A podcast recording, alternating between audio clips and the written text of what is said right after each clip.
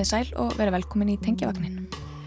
Við erum hérna Anna Geða Fanni og Hallathólaug og verðum með ykkur næstu tvo tímana eða svo. Þættinum er skipt í tvent og eftir fréttir fáum við til okkar þrjá meðlemi Svíkaskálda. Það er Melgorku Óláfsdóttur, Ragnæðurpur Leifsdóttur og Sunnudís Másdóttur. En í fyrirluta Tengjawagsins velta Anna Geða Fanni heimilum fólks fyrir sér. Það er að segja óvinnilegum heimilum.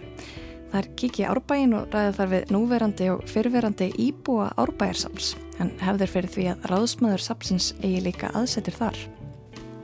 En áður við heldum þangað fáum við annan pistil í rauðu Ragnhæðarkiði Jónsdóttur fjölmélakonu um litbyrðið mannkins til sálar og líkama. Í dag vikur sögu hennar meðal annars að eiginu 200.000 ára gamlu genetísku arfli. Andra mujennepe musa polytropon hos malapolla plankte e peitroies hierun ptulietron eperse. Seg mér söngkefja frá hennum viðfarlamanni er raktist mjög víða eftir það hann hafði lagt í eyði hennar helgu Trójuborg þeim er sá borgir og þekkti skaplindi margra manna upp af Ótisæst kviðu á fordri grísku og þýðing Sveinbjörns Egilssonar á íslensku frá fyrirluta 19. aldar. Frásagnir Snorra Sturlusonar í heimskringlu og Snorrættu eru af norrænum mönnum frá uppafsreiti í Tróju og hinga norður á samt Íslendingabók Ara Fróða Þorgilssonar voru við það pángsefni í fyrsta pisli um litbreyði mannkinsins. Tæpar nýju aldir eru liðna síðan þeir settu saman þessi reyt sín og á ímsu hefur gengið síðan góðu og íllu. Vísindi öll, fræði, tækni hafa þróast svo mjög síðustu aldir áratugju og ár að mannkinn stefni sjálfu sér og alheimsvætum netti sínum í voða og vandræði. Slæma hliðin. Æventýri líkast er að fylgjast með framförum á sviði erðavísinda síðustu tvo áratugju eða svo góðarliðin sem sé. Sagamannkins hefur lengst í báðar áttir síðan aðeins fróði og snorri voru uppi og sér ekki fyrir endan á frum og forsögulegum tímum manna um framtíðina er að þetta alltaf höldu. Nú er svo komið að sérfræðingar erðagreiningastofnana víða um heim bjóða einstaklingum allra heimsorna erða efnis rakningar langt, langt aftur í aldir og eins og Ari Fróði orðaði það, hafa skal það sem sannara reynist. Startmenn íslenskar erðagreiningar syndu þeirri þjónustu framanna en snýru sér síðan alfarið á rannsóknum á erðaefni Íslendinga í leitað orsökum þeirra fjölmörgu sjúkdóma sem sjá mannkinn á líkama og sál við góðan orðstýr. Starfsmaður íslenskar erðagreiningar benti þó þeirri sem hér talar á að hægt væri að hafa samband við erlendar erðagreiningastofnanir og falast eftir slíkri rannsókn. Þetta taka fram að þetta var all nokkru fyrir útbreyðslu COVID-19. Hún fór að hans ráðum. Fjekk sendt lítið tilrænaglas og leiðbenningar. Hún fór eftir þeim, spýtti samvisku samlega í tilrænaglasið og sendi það í pústi tilbaka. Ekki löngu síðar bárust enni niðurstöðunar með netposti.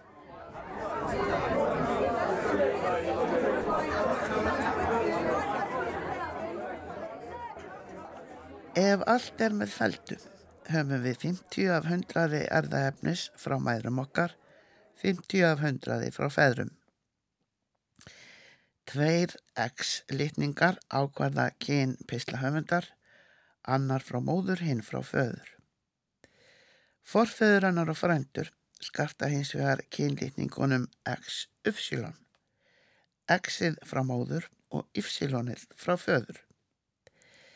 Erðaefni í kvart berum fruma, kenjana, hafa þau hins vegar úr móður sinni einni og formaður um hennar. Y-lýtningar karlkinsins úr föður og forfeðrum. Erðaefni úr kvartberum og Y-lýtningum lesa erðavísindamenn eins og stafi á bók. Nánari rannsóknir eru floknari og dýrari. Pappi pislahöfundar er látin. Sistur sínir hennar bera uppsílón litninga feðra sinna. Því miðast nýðustöðunar við erðaefni kvatbera, móðurættina. Setraðarhópur minn er rakinn til konu sem bjó í Afriku austanverði fyrir tæpum 200.000 árum. Af kvísl sem merkir að hvern afkomandi hennar var enn þarna í Afriku fyrir 65.000 árum.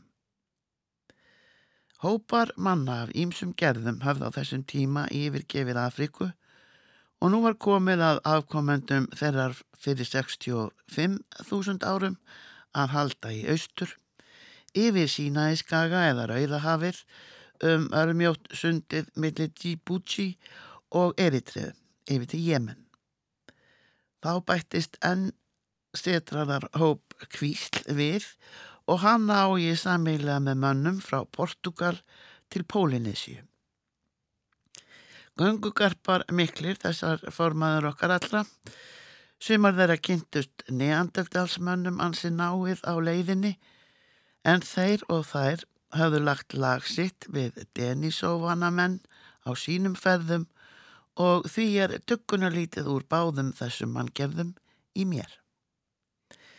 Einhverjir ákomendur formara minna í miðausturlöndum, kannski Mesopotamíu, sáu sér ekki annað fært en að leggja í vestur. Með því fartaskinnu hafði þeir meðal annars eins og eina landbúnaðarbyltingu. Fólk var fyrir í vestri, gamlu Evrópabúarnar á blöndu alls konar manntegunda. Nokkuð dekri á húð og hár en núverandi innfættir íbúar alfunnar, sumir þó með augu blá. Á grésunum norður af Svarta og Kaspíahafi, í Úgrænu, Suður Rúslandi og jáfnvel Grúsíum eða Georgíu, voru til dæmis frum mælendur indo-evrósku tungumálana. Þeir hafa sjálfsagt lært eitt og annar af aðgómamönnum úr austri en haldið ógnars fast við sitt ferraveldi, hetjudýrkun, herrmennsku, trúarbráð, heiður, síði og venjur. Og þótti að sér þrengt því að þeir heldu í söður, norður, austur og vestur. Að smíða indo-evrósku tungumála fjölskyldina, en það er tungur, tala nú um 46 af hverju hundraði mannkins á fjórða miljard manna af þeim bráðum 8 miljardum sem jörðina byggja. Formæður mínar fóri í norðvestur. Erðaefnið í kvartberum mínum er stórkoslega norrend en næst þar á eftir er ég Ísk Bresk. Íska erðaefnið er rakið til þess hluta eigunar grænu sem heyrir undir það sem eftir er að breska heimsveldinu þar. Því hef ég ákveðið að vera frá konungsríkinu Dalriata á norðaustuströnd Írlands eða Antrimhjaraði. Ríkið tengði ánga sína yfir til Skotlands og í mér er erðavefni frá Hjallandsegjum. Gelískur kelti að hluta líka ennskur kelti en það er erða vísbendingar eru mjög dreifðar yfir landsvæðin. Þísk og fransk erðaefnin eru svo nokkuð nýtilkomin meða við öll hinn fyrri. Hugsanlega hefur verið vel hlúð af sjómanni af skipi hansakaupmanna á 15. öld og sömu sögu að segja á manni úr fransku þoskveiðiskipi Passjörd Ísland frá Bretoníu, Normandi eða Flandri á tímabilinu frá lokum átjóndaldar þar til tógara bað að í byrjun 20. aldar. Heldur vildi ég nú hafa erðaefni frá þeim tíma sem germanskir og gælneskir þjóðflokkar tókust á og eða blönduðust í Evrópu fyrir og eftir okkar tímatal. Í svo nefndum þjóðflutningunum miklu á þreyðju og fjórðu öll til dæmis en ég get ekki þrasað við erðaefnin.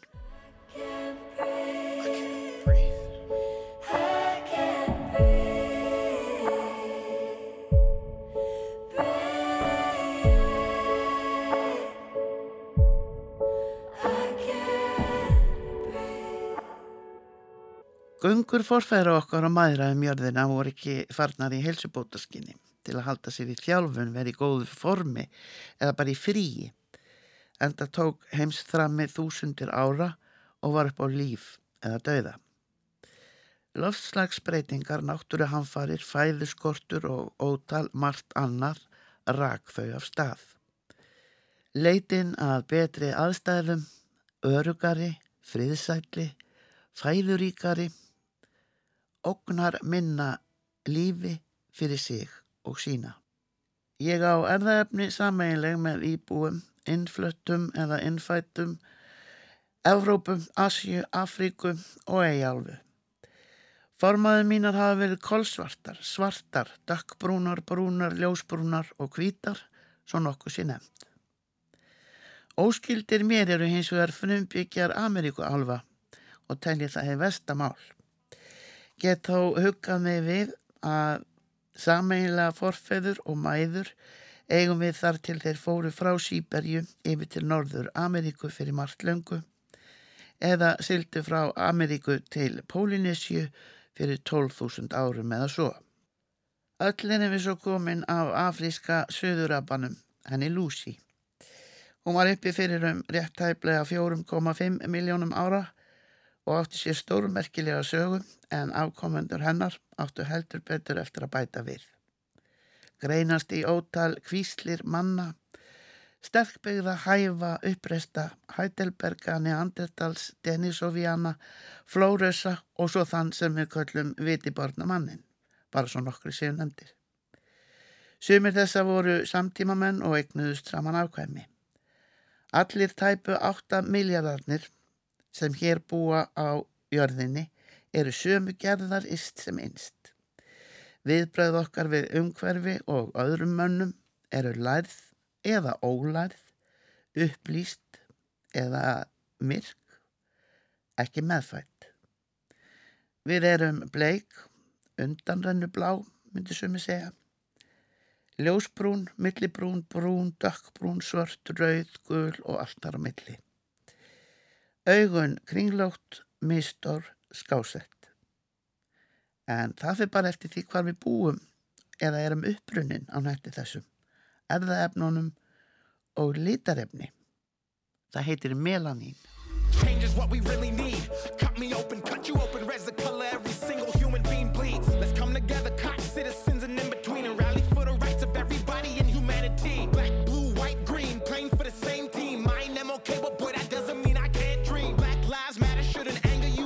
scream. All lives matter cause we aren't treated equally. Remember when we were kids and didn't see color and when we played in kindergarten and I called you my brother. Then we grew up and they taught us we should hate on each other even though we went in the same and we all came from our mothers. I hope y'all understand. Hate is not a trait, it was learned, man. Equality is the quality we need inside this earth, man. Give and receive is the karma that you earn, man.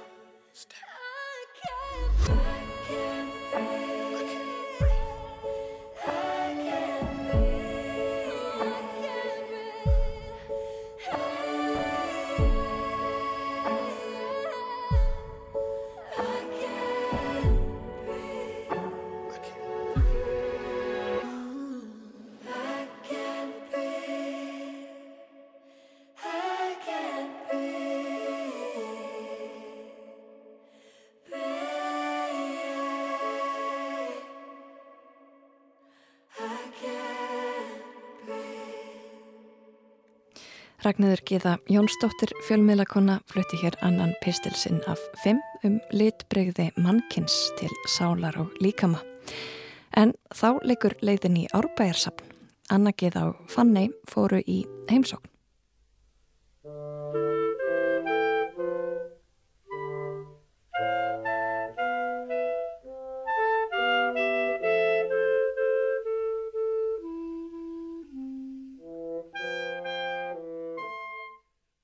Síðustu vikuna höfum við í tengivagninum verið að velta vengum yfir óvanalegum heimilum og þá sýralegi heimilum sem að fylgja ákveðnum störfum eins og til dæmis starfi húsvarðar eða forstöðu fólks af ýmsum toga. Við höfum því ákveðið að heimsækja nokkur slík heimil á næstu dögum og kynnast heimilist aðstæðum fólk sem þar býr aðeins nánar. Þannig hvar eru við stættar? Við erum á eh, árbæðarsafni, við erum reyndar inn í einhverju húsi á árbæðarsafni sem ég hef aldrei komið inn í áður sem er eitthvað svona starfsmanna aðsetur eða sko ekki, ekki heimili heldur bara svona kaffistofa og svona. Við byrjum sem sagt þannig kannunarlegangur núna í dag og þá með heimsókn í Árbæðisafnið. En hefði fyrir því að ráðsmenn sapsins búi í einu húsa þess. Getur bara byrjað að taka upp núna, ekki? Jú. Halló, halló. Við fannig ákvæmum að fara í frekar óskipulagða og handahóskjönda ferð upp í Árbæðisafn.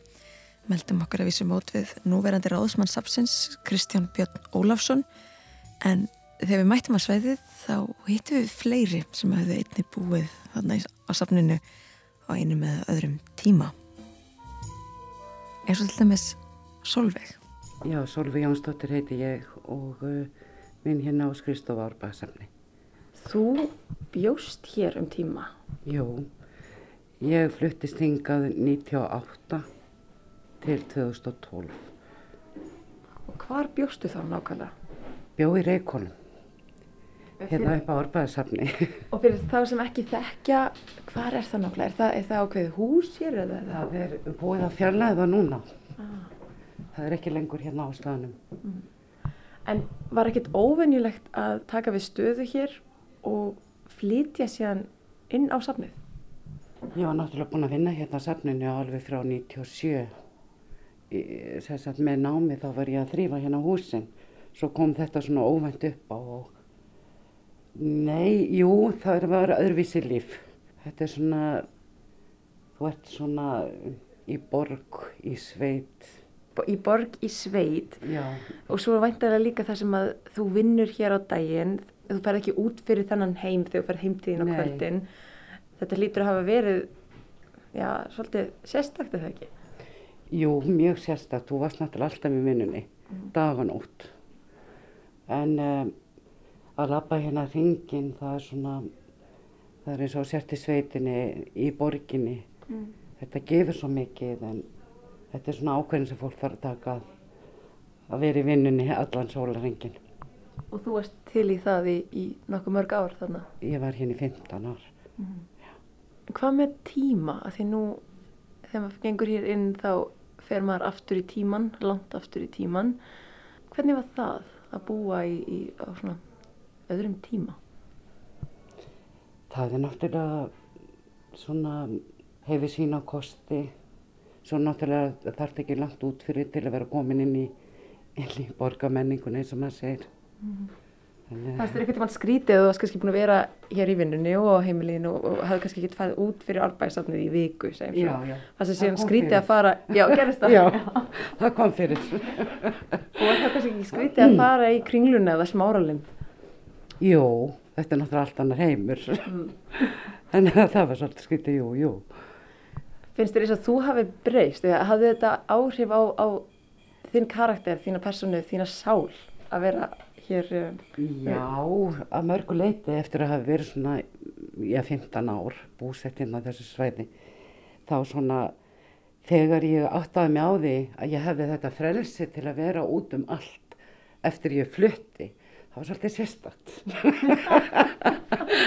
ekki það að hitt hafi ekki verið alveg dásalegt og ég, við notið þess tíma að vera hérna. En þetta frelsi það var svona bara allt í einu fjösti vangi og gæst bara farið hvert sem var. það er svona, en maður að lýsa því einhvern veginn. Nei, nei, þetta var dásalegu tíma alveg. mm.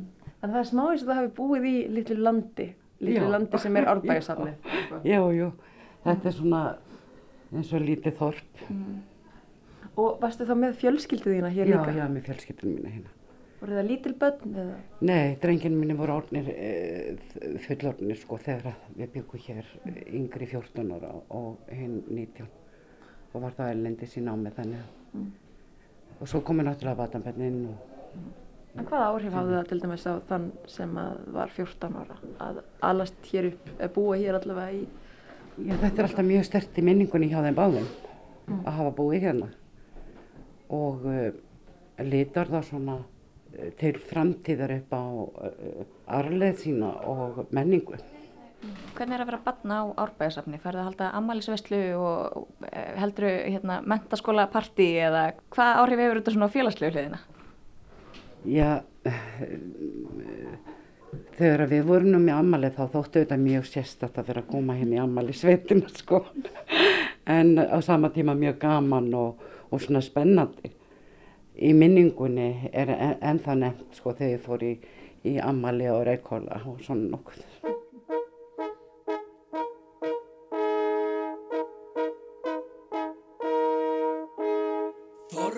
su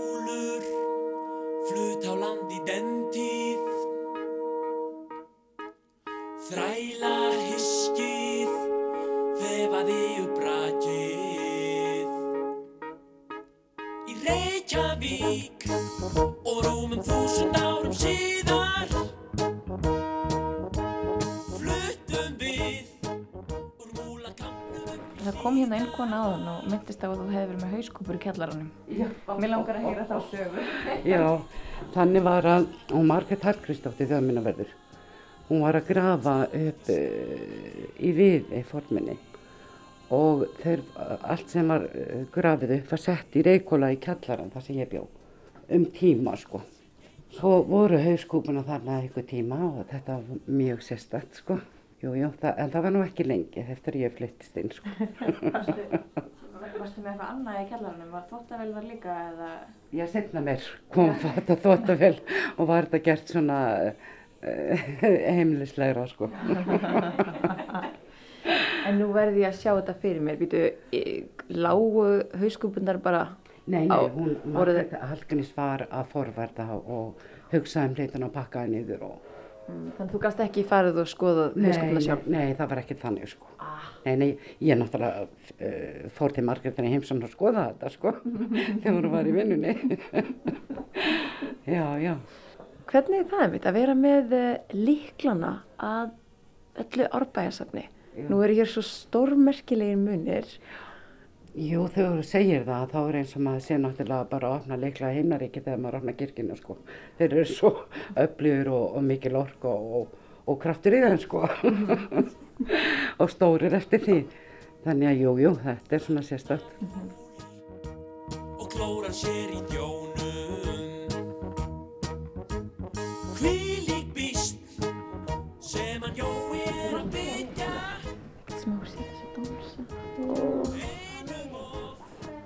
Já,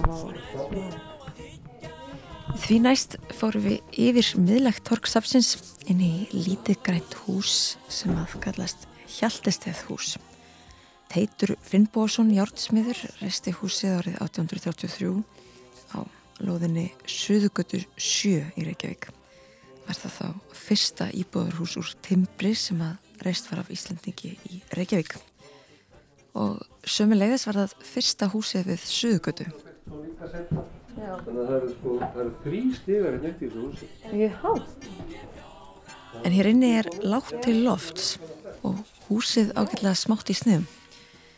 Þrátt fyrir það lærðu við að löngum byggu þarna nýju manns. Hjón, börn, vinnufólk og járnsmíðan nemar. En hér inni hittum við núverandi ráðsmann Árbæðisafsins. Hvaða, hvaða hús er þetta sem við erum í núna? Þetta er Suðugata 7, það var náttúrulega nýra Suðugatu. Þannig að marg byggti þetta hús og byggði hér fullt af fólki. Og af hverju, af hverju var það flutt hingað? Já, ég kann ekki sögurnar af því að það er náttúrulega búið að flytja alveg, það er náttúrulega fyrir í bænum á sínum tíma. Þegar fólk vildi ekki hafa gamlu húsinni í bæ, þá voru fluttingað upp yfir. Það er búið að breytast mikið síðan. Nú vilja menn bara halda húsmannir í bæ og gera þau þar upp sem er náttúrulega óskur skiljanlegt.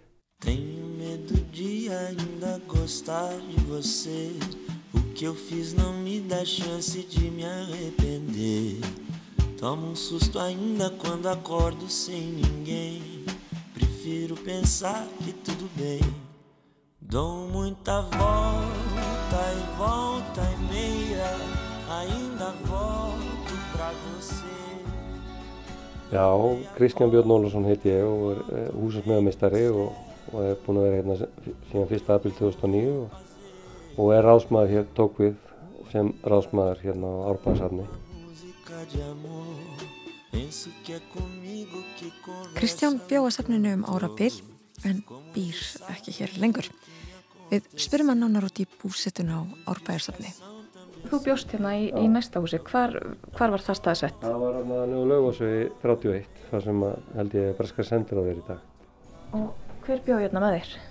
Kona mín og þrjú börn fluttum hérna 2009, 1. apríl. Þá kom ég úr þessum, já ég var byggingastjóri á stóru byggingafyrirtæki í bænum og vorum að byggja háar og mikla blokkjur út um allt hérna og þetta var svolítið mikið breyting því komingar því ég hafði ekkert verið í þessum gamla gera áður sko. Þannig að þetta var svolítið mikið öðru sig en, en gaman að því.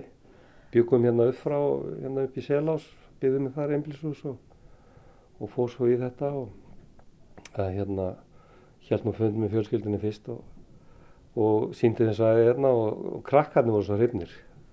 Og þau voru hérna að hluta til voru, tvíbarnir mínu voru hérna nýri í Artónskóla og hún flytja úr skóla og, og hérna þannig að þau þekkti þetta alveg og vildu bara komingað þannig að það ítt á okkur að taka þessu. Hvað voru krakkarnir gamlir? ah, þau voru eitthvað 12-14 ára eitthvað Við spyrjum Kristján hvað felist í starfans? svona umsunamaður og séum að allt sé í lægi og halda við húsum og, og við erum alltaf með trefsmæðagstæðina sem er smíða heilmikið í þetta og, og, og bara endurbyggja, já, með eitt hérna svona í höndunum hérna, í Vassel. Þannig hvernig breytist vinnanin? Þú sagðir að þetta hefði verið heldur mikil breyting að fara úr þessum stóru byggingaverkefnum í bænum yfir í þetta hér. Af hverju breyttur þið til og hver var breytingin? Já, það var bara, hann var að hætta hérna maður sem ég tók við af, komin aldur og, og hérna það var svona aðeins leita til mér með þetta og ég bara skoða þetta vel og, og þetta var náttúrulega á þessum tíma þannig þegar allt var í uppsögnum og lítið um að vera og ég var ekkert búin að missa vinnun eitt neitt þannig en, en við ákvæmum bara breyta til í þessu ástandið svo var þá og, og eins og maður segir, maður kýldi bara á þetta. Mm -hmm. Þetta er svolítið öðru seldur en að vera í uppstöðum með mót og krana í höndunum og annað. Þetta er, þetta er bara gamla spýtur mm -hmm. og maður bara endur nýjar alveg upp í 70% af hverju spýtu. Það er 30% eftir aðni en þannig að veist, þetta er svolítið mikið öðru sí. Svo líka það að, að ef þú ert að byggja ný hús í bænum þá ertu, þú ert að vinna í nútíð og framtíð. En hér ertu í fortíðinni, það er það sem er svo heilandi við hann stað. Hvernig er það að vera í fortíðinni? Hafður áhuga á þessum tíma áður en þú komst yngar? Já, ég hafði það sko. Ég hef, alltaf haft gaman að fortíðinu og, og líka að, hérna, að, ekki, að skipta ekki með hluti heldur gera við hluti. Það hefur alltaf verið í motto hjá mér alla tíð. Þannig að ég hef mjög gaman að því að, að gera við gamla hluti og vesenast í því heldur en að fara út í búið að kaupa nýtt. Þannig að það hefur alltaf verið ríkt í mér sko og svona að sapna hlutum þannig að ég er eitthvað til til þess að skipta um þá eða er alveg ónýtt sko. En þetta er það sem að ég hafði gaman að svo var ég nú svo heppin að það var hérna stór námskeið, endurmentunum námskeið fyrir þarna, í þessum gamla geira til þess að það var út af því að ástanda var svo erfitt og þá var haldið hérna stórt endurmentunum námskeið á vegum borgarinnar og fleiri til þess að kenna smiðum að fara í að, endur, að gera við gömul hús alls þar í borginni af því að það var svo lítið um atvinnu. Þannig að ég dætt inn í þetta, þetta námskeið sem var alveg heila mánuð þannig að ég komst mjög vel inn í þetta allt sama bara strax og með, það var æðislegt sko.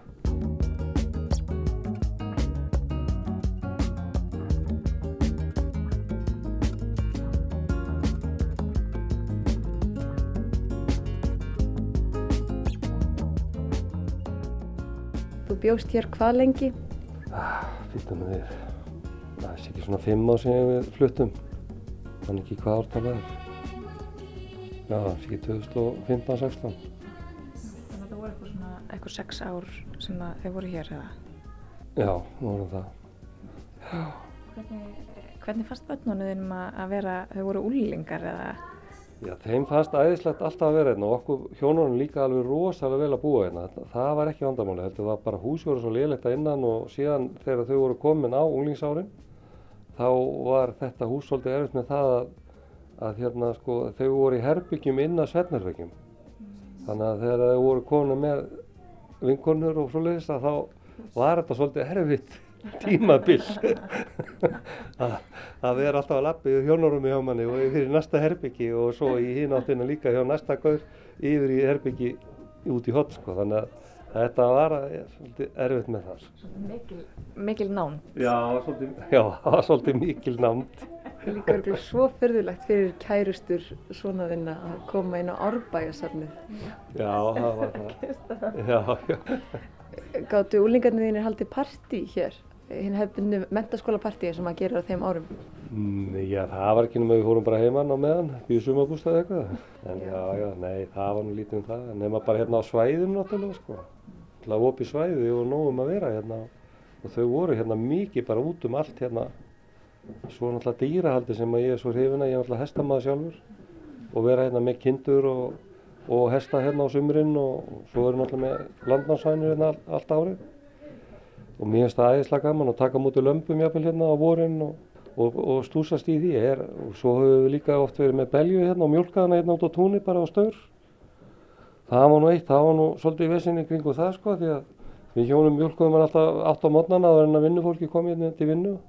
Og vinnufólki mjölkaði alltaf um fjögur, halv fimm letið en ég fór alltaf heim í mjölkina að strákarnir að fannir í skólan og síða hann og hreinsaði og, og sett hann bara á fernu sem ég átti í nýskap sko og leta að drekka þetta hann ískalt og fínt og þetta gekk nú lengi vel vel. En síðan fóru asnaðast ég ekki til þess að skipta um fernu þannig að þeir fóru að reka sig á að dagsetningarna voru mjög gamlar hjá mér. Því ég skólaði bara alltaf hinnum og setti nýja mjölk í. Þannig að þetta komst upp og það var einhvern veginn þannig að þeir eruðu eftir það alltaf að opna nýja fernu þegar hérna, þeir fengur sér mjölk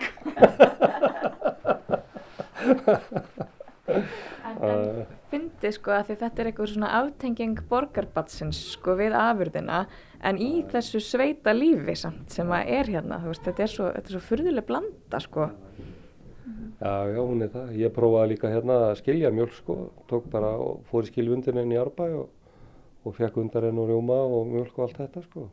Það var mjög gaman að gera það sko. En svo var náttúrulega aðal, aðal hérna triksið þegar maður var að að hérna, hafa mjölkina hérna í fötu og það var að fleita rjóman ofan og fá sér beint. Reyna rjóma sko.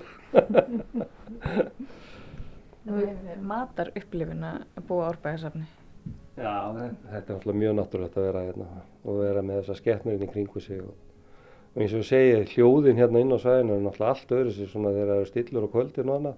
Maður er hérna bara í rólihittum og og þá heyrir maður hann að borganin alltaf frá sér sko. maður heyrir hann er, hann er frá þetta þvílíku niður sem er af borginni ekki inn á manni hérna heldur maður, maður e, að, að það maður sjá hann sko. svona þennan niður sem kemur hérna yfir eftir vindan sko.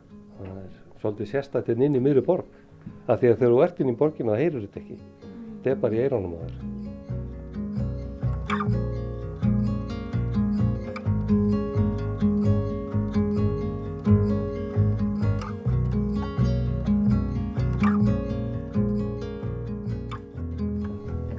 að flytja aftur inn í borgina?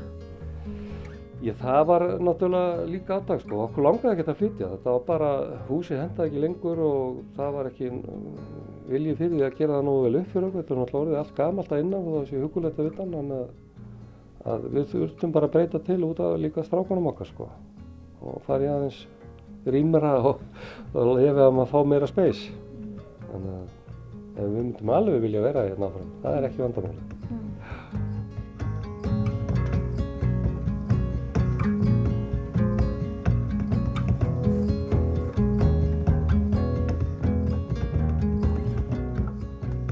Hverju ákvæmstu að flytja í burtu? Þetta var bara orðið góður tími. Við vorum tvö hjóninn og langur snaðis að brjóta þetta upp. Þannig að þetta voru 15 ár sem dásalegu tími og ég segi ekki eftir því. Má ég spyrja, e, þið, þið voru hjón hérna, já. vinnur maðurinn eða vann hann hér líka? Eða? Nei, já, hann var náttúrulega, ég hef ekki getað þetta annars, það er alveg á hreinu því að hann tók leysanir hérna og fór með hópa bara svona þegar að fólk var að forfinnast og kom hérna inn á svæði þegar það var lokað. Því að það var ekki alveg eins og í dag það var lokað hérna alla mánudaga og svo náttúrulega um helgar á veitunar en sem er ekki í dag það var þá, þá tók hann að móti hópum og, og var svona aðeins að, að upplýsa þá og, og svona aðeins að endilega vera neitt gæt fyrir það heldur bara átti heima hérna á stanum og jú, jú, hann var bara eh, raks sitt okkar fyrirtæki nýri bæ þannig að að þetta var hans auka vinna. Hvernig tók hann í það þegar þú komst heim eitt daginn og sagðir hægiskan eigum að flytja á árbæjarsafnið? Hann var náttúrulega mjög kunnugur árbæðarsafni þar sem ég hefði byrjað að þrýfa hérna gamle húsin 87 og þekkti hvern kók og kima og var oft hérna með mér. Þetta var náttúrulega ákverðin sem við þurftum að taka mjög skyndilega og við ákveðum að gera það og sáum ekki eftir því. Þetta var mjög góður tími. Þannig að þú mást ekkert eftir löngum rökræðum, jafnvel reyfrildi yfir þessari stóru ákvörðum. Nei, nei, alls ekki. Alls ekki. Langt frá því. Þrátt fyrir vinnu, vinnu álag og mikla vinnu. nei, nei. Er, er eitthvað svona sem stendur upp úr frá þessum tíma? Manst eftir, er, veist, er eitthvað svona minning sem að þú rifir oft upp eða er eitthvað svona eitt sem þú þér fyrst kjarna þessi ár sem þú eittir hérna á árbæðisafni? Já, það er þessa minning að vera í sveitinu og hafa svona sterkbönd og upplifa náttúruna svona sterti kringu sig og, og uh, þú veist, vera svona einn með sjálfu sér. Það er stór þáttur í að lappa hérna hringin á hverja einasta, einasta, einasta kvöldi, sama hvernig viðraði og taka þátt í þessari svona kyrð og, og finna sjálfa sig í náttúrinni. Það er svolítið stór þáttur sem skilur eftir sig og verður með mér áfram eftirlega.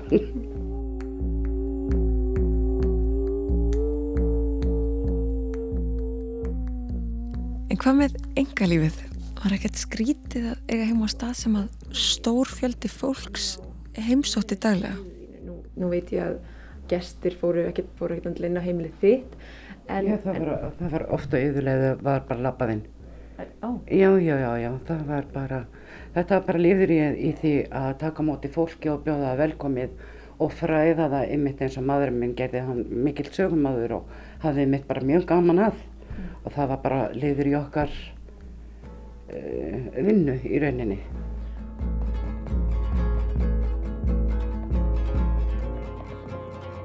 Hvað með engalífið og prífasi?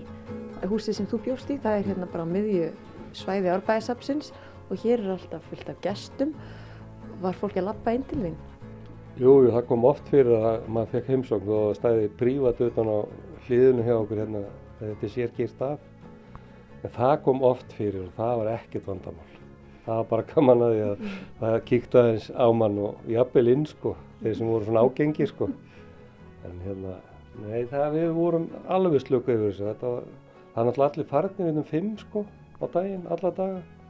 Þannig að það var ekkert vandam, það er náttúrulega allir að vinna alla daginn hvort þið er.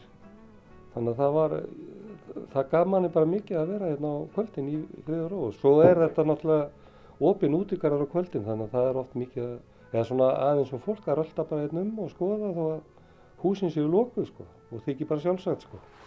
En voru þið alveg hér þá þegar allir fóru klukkan 5? Það er að segja alveg hér á svæðinu með dýrónum það? Já, já, honum það. Hún var alltaf hérna að bjóða á mót okkur líka hún Solveig hérna, þau voru nú eitthvað heima líka sko. Hana. En já, maður, var bara einn í veröldinu með fjölskyldinu, það var bara eindislega. Var það aldrei einmannlegt? Nei, það var aldrei einmannlegt.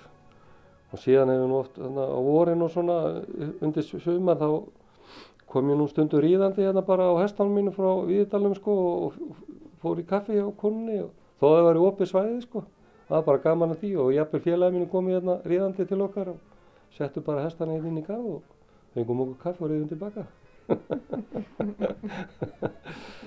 Þú talar um að hún, hérna Solveig, hafi búið hérna á mótiður í eitthvað tíma. Þetta var þá eiginlega svona eins og tveggja fjölskyldna þorp bara. Var mikið samneiti þar á milli eða? Nei, það var nú ekkert samneiti á milli þannig sko. Kynna maður bara svona létt spjall sko, hún ætlaði að vinna með mér á skrifstofunni og, og það, þannig að það var alveg nú, hún var nú með stóra stráka hérna líka, fullorna vísu, svona yeah. mísjant hvað þeir voru mikið heima en, en það var alveg bara fint samkvæm við þessu sko. Engar erfiðar nágranna erjur hér á árbæðarsafni? Nei, það var ekkert svo leiðis í gangi, þetta var bara aðeinslegt, það var ekkert vandamál.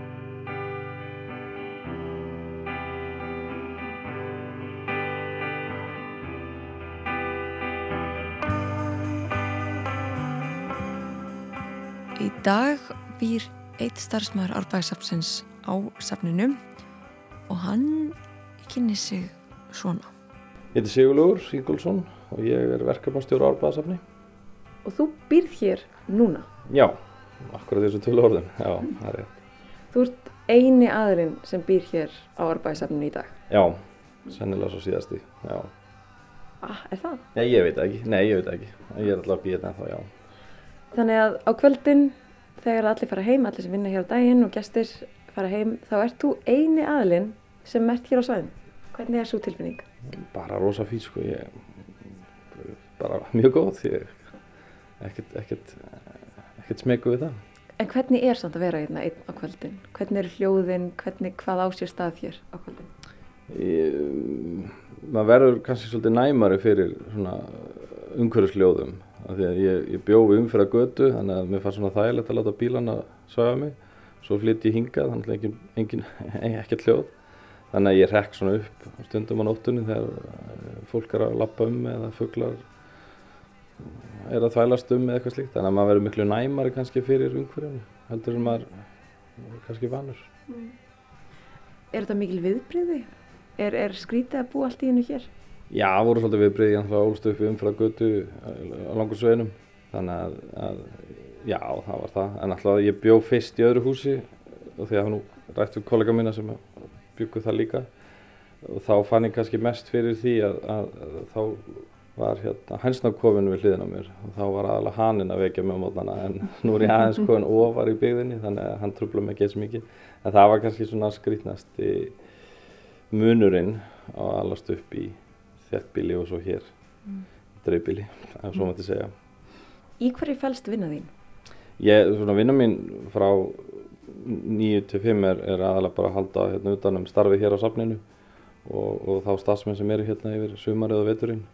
Og ég er svo að hlaupa í leðsagnir og ímislegt svona yfir veturinn aðalega þegar við erum ferri e, bara skipilega viðbyrði og panti búðirnar og bara þetta vennulega svo er ég á kvöldin bara að hlaupa út ef eitthvað, eitthvað kemur upp á eitthvað fyrir gang eitthvað starf en það gerist náttúrulega ekki oft svo sem í gang þar að tala um öryggiskerfi? Já, öryggiskerfin aðalega brunakerfin og þjóðnakerfin kemur fyrir en, en ekki oft Hverjir eru þá að koma hingað á nóttinni?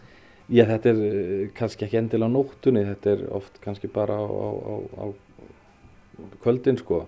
Það var svona eitt hús sem var læsingi var svolítið byluð og þá voru oft fólk að fara þar inn á kvöldin og tröfla mig. Þannig að, að oft bara fólk á gangi sem ákveða að taka í hurð og hún opnaðist og allt fyrir gang og eða krakkar sem voru sestið niður að spila skák og fannst það ekkert eðlilegra klukkan tíu á kvöldi. það að maður lendir í allskinn sko þannig að, að maður bara kerfi fyrir gang og maður veit ekkert hvað maður er að fara út í mm. Hvernig er annars að búa í vinnuðinni það er að segja búa á samastaf og vinnur. Það hefur kosti og það hefur galla. Það er rosalega stutt í vinnuna.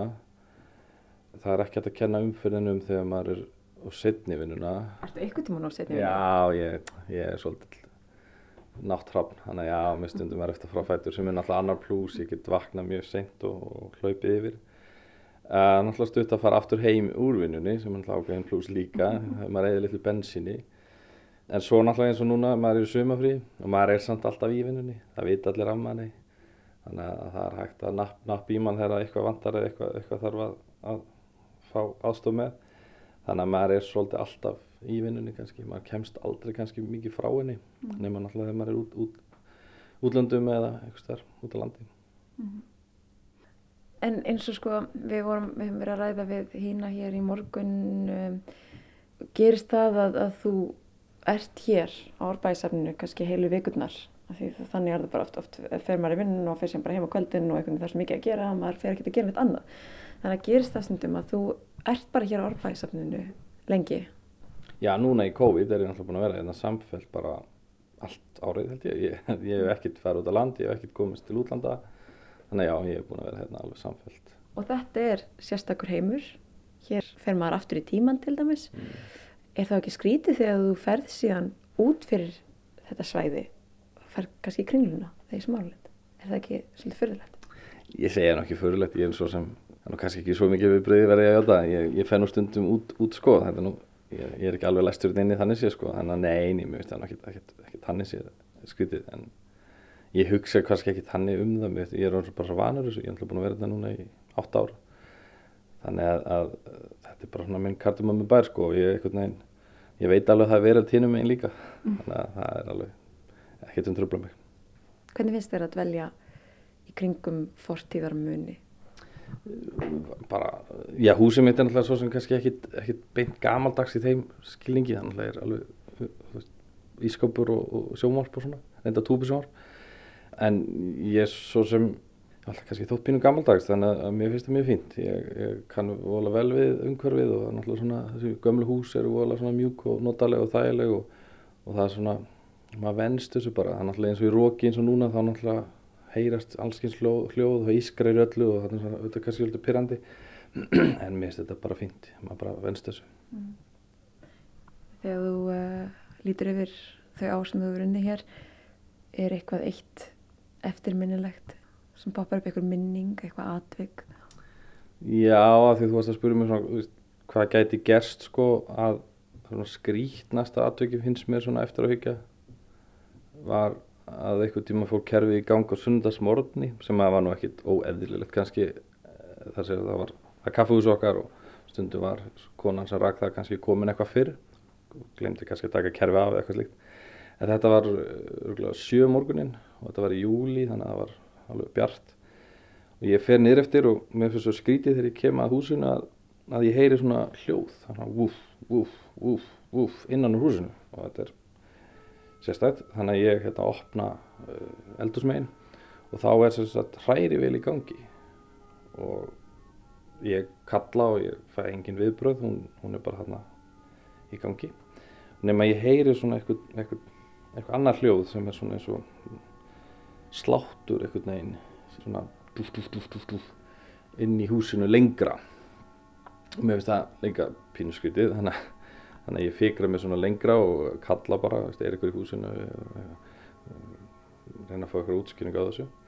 En þá kom ég ljós að þetta fuggl hafði farið niður úr strompinum hafði komið gata á, á það sem plast fyrir og hann hafði sett kerfi í gang og hann var að reyna að komast út. Og það var þessi sláttur sem ég heyrði og svo spurði ég konuna sem var að kaffhúsið hvort það hefði ekki verið eða svona, fannst svo skrýta að, að hérna, hrærivílinn hefði verið í gangi.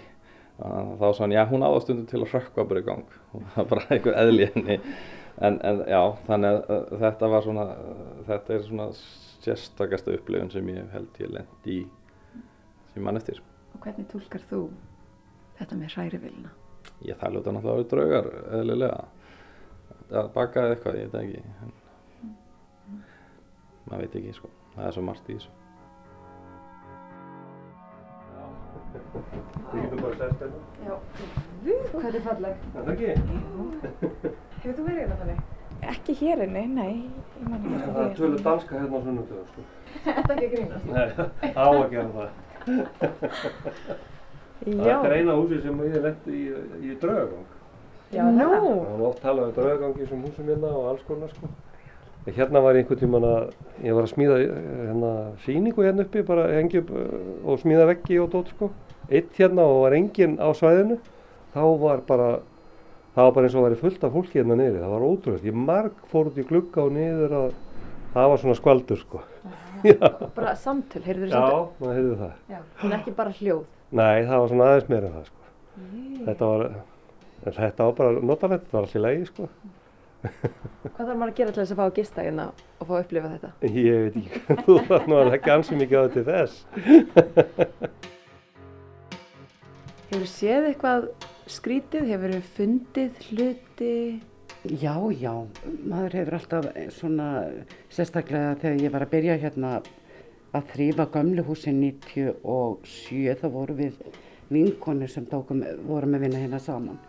Og oft á kvöldin þegar fór að skikja, þá verðum við nú oft vara við ímislegt en, en ekki þannig að við hefðum séð en við bara skinnjuðum svona hluti sem að búið alls þar á sveimi. Það? Já, já. Eitthvað sérstök minning sem komast eftir? Já, einu sinni fannst mér nú vera kallað á mig og ég snýr mig við og ég se, segi rækka mín hvað, hvað einu varst að kalla mig, nei, ég hef ekki sagt orð. Þannig að það er svona eitthvað eitt og annað.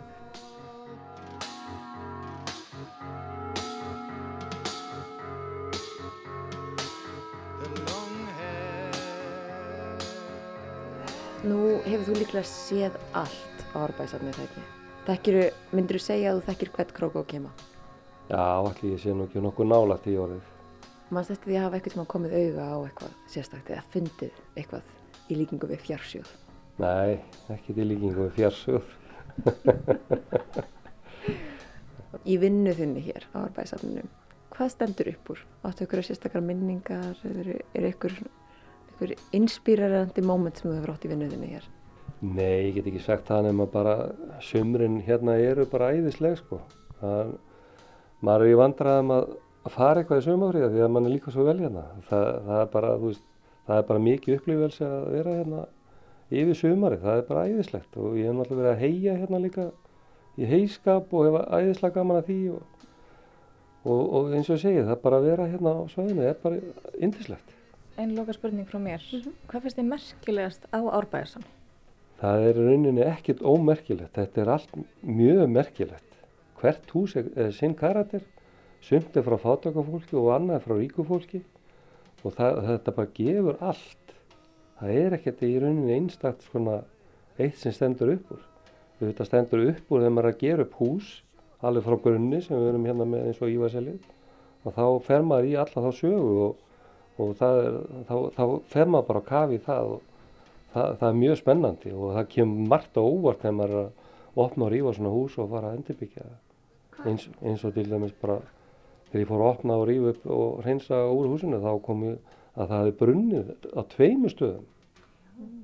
Og bara illa til dæmis eldhúsi var allt kolbrunnið á bakvið þegar það var farið að rífa frá og, og eins upp á efrihæð og, og það er hvergin eitt til yfir það Þannig að þú ert, svona, þú ert að grafa upp einhverja sögu sem bara var ekki vitað af.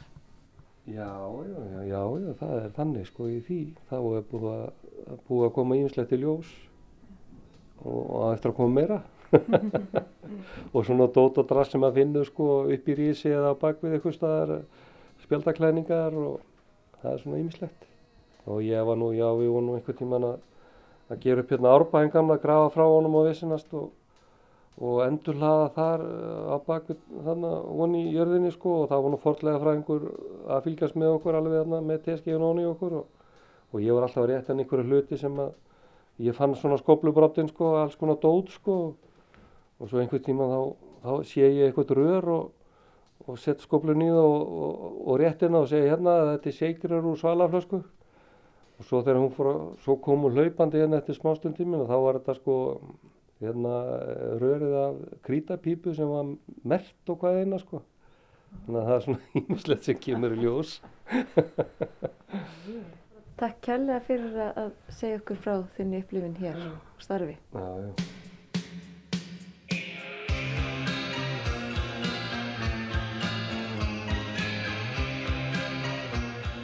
Susie and the Banshees, Dear Prudence og hér látum við staðar numið í þessum fyrirluta tengivaksins. Við verum hér aftur eftir fréttir og þá með sveikaskaldum. Heyrums þá.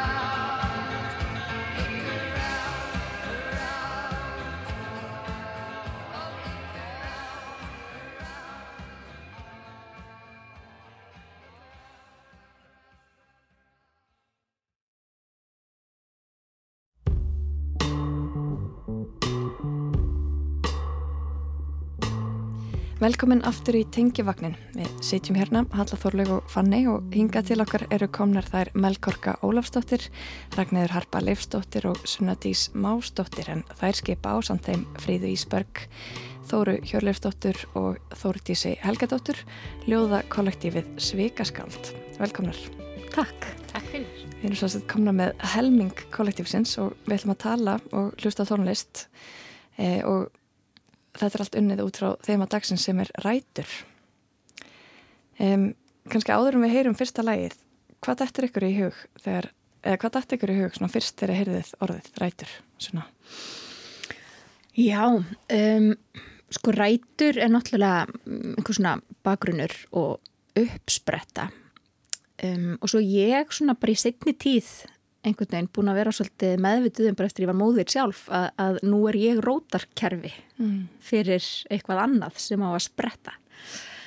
Og mér finnst það hérna rosa falleg og skemmtileg og, og, og heilandi pæling sko. Kanski svolítið ókvæmkandi líka. Já, þetta er svolítið dölafullt allt, þetta er náttúrulega allt undir jörðinni svona mesturleiti og þú ert að kveikja í vél hérna sem getur malað svolítið lengi. Ok, pásum hana, tökum þetta aftur aftur. Melkorka, hvað er fyrir hug? Jú, ég fór á, á svipu mið en ég fór líka svona að hugsa um einhverjum ástæðum fór ég mjög mikið að hugsa um bara svona um, bakgrunn fólks eða sérst, íslenska rætur eða um, rætur mannkins, hvaðan við erum all komin, hvernig þjóðir verða til, hvernig við greinumst einhvern veginn í sundur þó við séum öll einhvern veginn komin frá sama stað. Um, og bara þessa, þessa pælingar um einmitt aðskilnað mm. og, og að koma saman og hvernig við einhvern veginn teljum okkur trúum að við séum ólík eða hérna, já ég fór þessi út í ykkur svona pælingar um hérna bara kynþátt og fordóma og mm. veist, allar þessar blekkingar sem er í gangi núna, þessar núansa Akkurat um, Þannig að þetta fór, mitt flug fór þangað einhverjum ástæðum. Við förum aðeins út í það, einmitt og lagavald þitt kannski berðsaldið keima því. Ragnar Harpa, örstuðt, hvað dætt þér í hug? Ég fór ekkert á ólík mið. Hérna, ég fór einhvern veginn ofan í jörðina, um, þessi speiklun á rótakerfi og, og greinum trjáa. Ég fór í fjölskyldusögu og hérna, ættar tré mm. og, og já, bara einhvern veginn fór að hugsa um þessa áferð eða þennan struktúr sem verið til og hvernig hann einhvern veginn heldur áfram. Ég fór líka að hugsa um mosa. Ég var að lesa um mosa undfarið og, og þar er rótakerfið, já, svolítið magnað og já. Spennandi, fáum að heyra það meira eftir en við ætlum að byrja að heyra fyrsta lagið og það er lag sem að Melkorka valdi um, og er, já, sannlega tengt íslenskum rótum. Viltu segja ykkur hvers vegna, já, svona hvernig þetta lag kom til þetta er ekki lag sem kannski öllum ditti strax í hug. Nei. Um, Ég valdi sem sagt lag sem er flutt af spilmönnum Ríkinis. Þetta er lítið fjölskylduband um, sem ég held mikið upp á. Það eru hjónin Örd Magnússon og, og Marta Guðrún sem að og börnin þeirra, tvö sem að mynda þetta band og þau spila á svona gömul íslensk hljófæri og lægið er sem sagt um, já, einhvers konar þjóðlag. Allavega það er ekki vita hvaðan það kemur en það er úr, úr þjóðlagsafni Bjarnar Þorstinssonar sem er ótrúlega merkilegt reyð og tekstinn er skrifaður eftir manni sem hétt Þorleifur Gamli Þorleifsson á Siglunesi. Og mér fannst þetta bara eitthvað svo viðeandi að því ég fór að hugsa um svona þessar íslensku rætur og ég fór líka að hugsa um mínar persónlegu rætur. Og ég lærið á píjánu hjá Erni og hann var svona pappi nummið fjögur í mínu lífi. Ég var svo heppina var svo góða tónlistakennara og, og hérna þannig að það svona ræturnar eru líka einhvern veginn það sem hjartað er. Eða svona ég hugsa hjartað í manninskunni er svolítið svona rót, rót, rótin. Og Þannig ég hugsaði strax til þeirra og svo þegar ég fór að hlusta á þetta lag og textan þá fannst mér þetta eitthvað svo endislega fallega viðandi líka. Um, ég kannski bara fæði að lesa. Já, hendilega. Um, hann er svona. Ný upp rann þín sumar sól, vottur til um eilífð eigi, að í minni gröf ég þreyi, vor guð, atkvarf vort og skjól. Úr ham vetrar fölum færir, foldín alvöld máttarhönd, upp yngd skeppnan hýr sig hrærir, um hafið, lopt og ilnuð lönd. Og ég tók mér svolítið tíma að skilja þetta allt saman, en þetta er sem sagt í rauninu um bara hringrás lífsins og um sumarsólina og hvernig hún um, færir ham vetrar af, já, af jörðinni og og svo fallið þetta uppyngt skeppnan mm -hmm. skeppnan verður svona uppyngt og mér líður um þannig á sumrin veist, eins og þessi uppyngt og hýr sig hrærir. Hún er rosa hress. Um hafið lopt og ilnuðlönd mér finnst líka ilnuðlönd oh, svo fallegt. yeah. það er bara hérna, þetta er líka eitthvað svo íslensk sko þegar við verðum svona eins og hálf frelsuð á mm. sumrin eftir veturinn. eins og kýrmar já Við skulum hlusta á lægið um, ný upprann þín Sumarsól og þetta er upptaka úr þættinum Útúrdúr frá árunni 2013.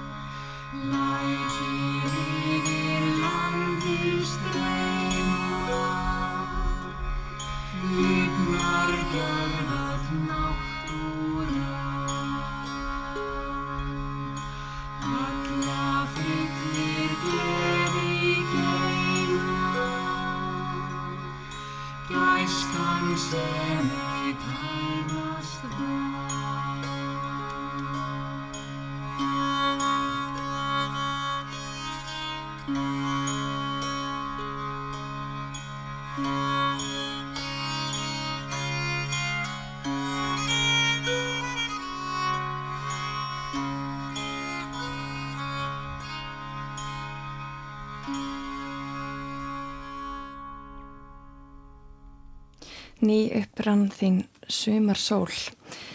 Spilmenn Ríkinís fluttu hér útsetningu eftir Örn Magnússon á lægi úr þjóðlagasafni Bjarnar Þorstinssonar, skrifað upp eftir Þorlefi gamla Þorlefs sinni á Siglunesi. Við setjum hérna í tengjavægnunum með svikaskaldum og eru að velja tónlist út frá þemadagsinn sem er rætur og þetta voru svona hinnar íslensku rætur, ekki satt Melgarka?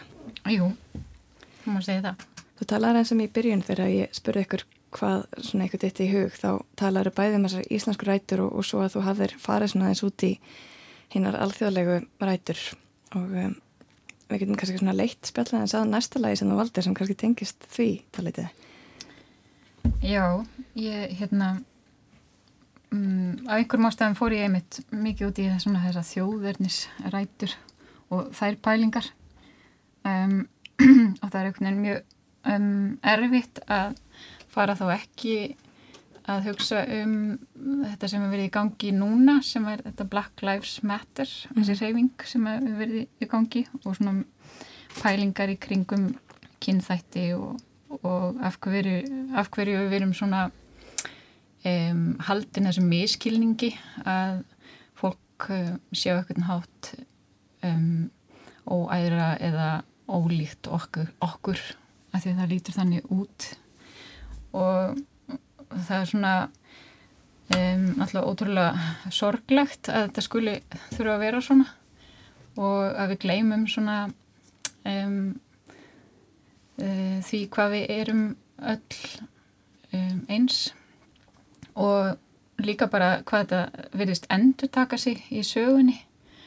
Það eru bara hundra ár síðan um, þetta lag sem ég valdi var til um, og það var uppnáðulega flutt af Billie Holiday að kalla Strange Fruit.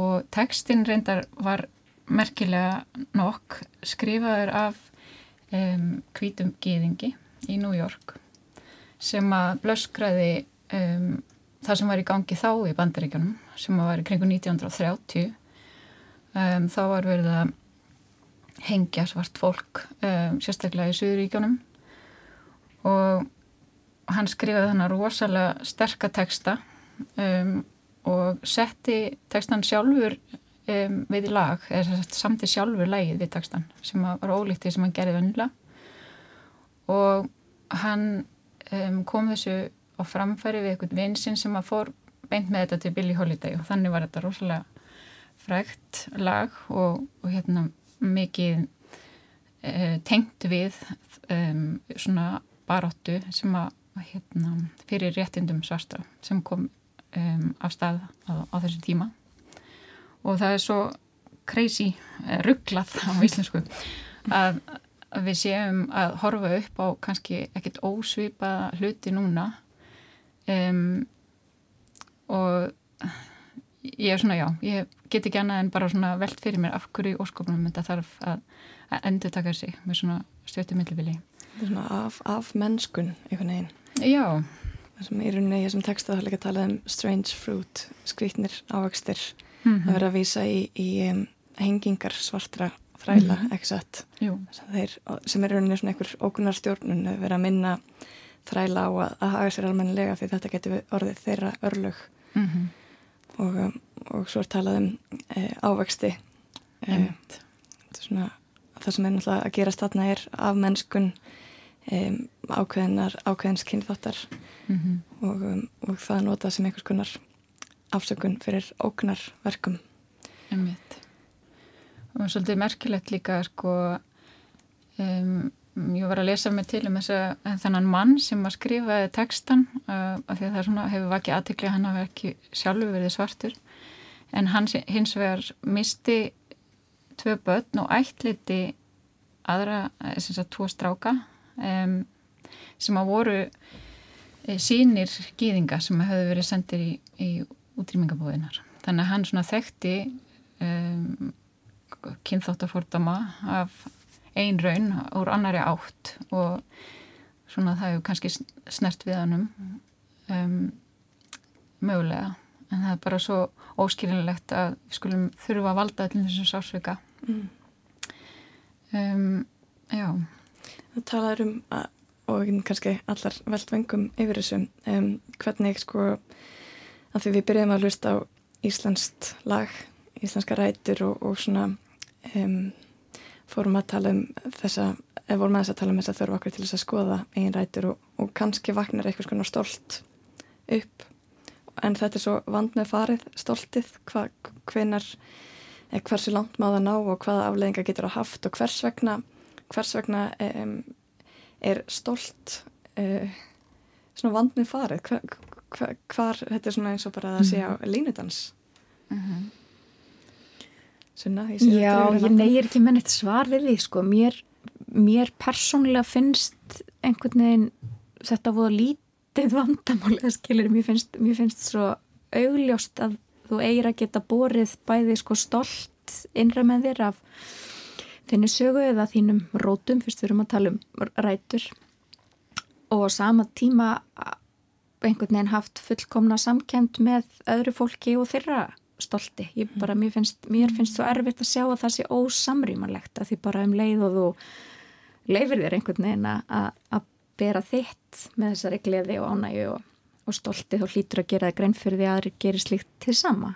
Mm. En kannski inn, inn í þetta blandast kannski einhvers konar ótti sem, að, sem hefur þá á, þau áhrif að, að þér finnst um, nú er ég bara alveg að fá búinlega reyna uh, veið að, að þér ef að eins og þess ekki pláss fyrir alla eða pláss fyrir allt stolt eða allra sögu eða alla rætur Ég held að það sé bara alltaf svona rót vandans í raunni þessi ótti sko eins og við sjáum að bara núna í, í Black Lives Matter reyfingunni þar sem að hérna, All Lives Matter kemur alltaf eða mm. rosalega oft sem eitthvað svona ansvar en sem er svo mikill miskilningur Það, ég held að það sé bara algjör kjarni, kjörnin á þessu í rauninni. Það er samt ekki miskilningur að öll líf skiptir máli.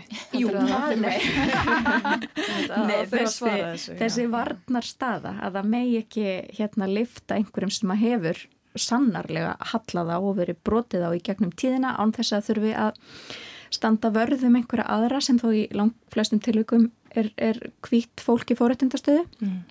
Eh, það er miskilningurinn að þurfi að verja það sérstaklega. En það er kannski einmitt líka sko, ég hugsa að, að líkillin felist kannski að við sem erum í fórættindastöðu þurfum að hafa einhverju auðmygt gagvart mm -hmm. þeirri stöðu. Og, og meðvitund kannski bara fyrst og fremst. Já. Bara átt okkur á því og viðkenna það að við erum. Og fatta þá að við já. erum, gætum þurft að, að taka einhvers konar leiðandi hlutverk þá í, í baráttunni. Mm -hmm. um, já, okkar rætur rætur og upprunni er ekkert endilega eitthvað sem að um, er alltaf e, eitthvað sem kemur áfram eða jú, reyndar í þessu tilfelli er þetta náttúrulega forréttindi en, ja. en þú, þú ætti við að við þurfum að vera meðvitið um það og kannski með stiga skref tilbaka og, og svona beigja okkur veist, og, og leifa hinnum röttunum að, að tala en ég svona ég gæti ekki annað en hugsað um það þegar ég var, þegar ég var talandi um svona hérna fortíðina. Þegar ég var tvítur þá, þá, þá væri ég send á samt öðrum e, dreng til Hawaii á hérna ráðstöfnu um, á árþúsundamótum. Það sem að ungt fólk frá 750 þess að 750 manns frá bara flestum ríkjum heims um, komu saman, ungt fólk sem átt að ræða um heiminn á árþúsundamótum og Við vorum þannig að tvö fulltrúar Ísland og talandi um stolt og verið í þessu, þessari stöðu sko og við áttum að tala um hérna alls konar pólitísk mál og, og ég þarna mætti uh, með alla kjóluna mína í stóri tösku og, og hérna og var í heimagistingu hjá uh, einmitt mjög hressi uh, svartri fjörskildu frá Jamaica. Og þar var líka ung kona frá Kenya. Og hún kom ekki með neitt nema fötinn sem hún mætti í. Og þarna á öðrum eða þriða degi þá þyrndi algjörlega yfir mig af því að mér fannst ég að vera svo mikil forrættinda pjessi og ég vissi eiginlega ekki hvað ég átt að tala um af því að fólk trúði mér ekki að e, Ísland væri svona framalega á marganhátt og það væri ekki einu svonni hér mm. og, og mér fannst ég, svona, ég var bara pínu lítil inn í mér af því að mér fannst ég vera svo, bara svona eins og eitthvað svona prinsessa á bauninni í sambörðu við svo margt fólk þarna. Og ég var í vandraðum eiginlega allan tíman hvað ég gætt gefið, mér fannst, það kom svona mjög sterk tilfinning að ég erði að gefa eitthvað í um, þetta þetta batteri, að skilja eitthvað eftir mér af því ég væri svona heppin. Og þá dætt mér einmitt í hug þarna það sem við vorum okkur hótel um, einhverjum hótelsal í Honolulu um, Þetta er til ljóðabokk Hótelsalur Honolulu að búið til svona leik. Ég veit ekki hvaðan hann kom en um, ég syns að leiti þessar 750 krakka í þennar leik að búið til rigningu.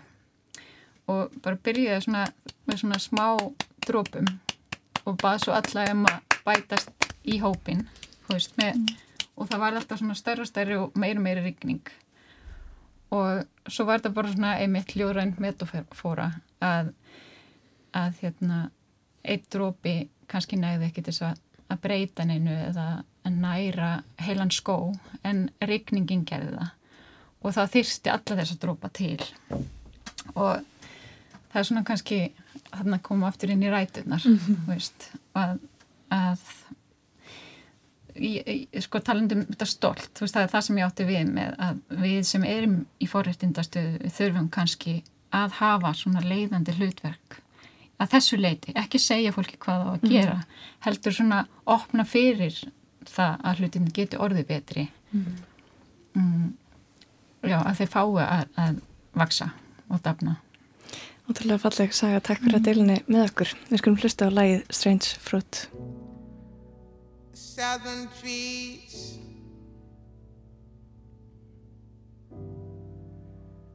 Barren strange fruit. Blood on the leaves. And blood at the roots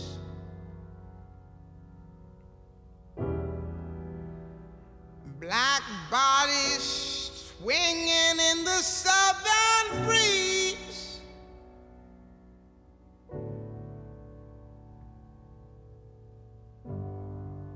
Strange fruit hanging from the poplar trees.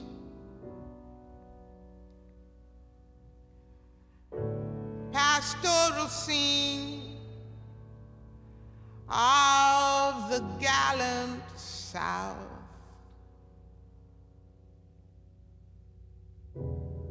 Them big bulging eyes and the twisted mouth.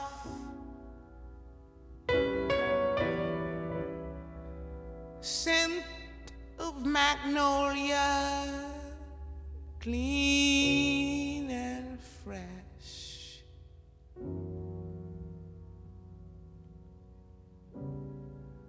Then the sudden smell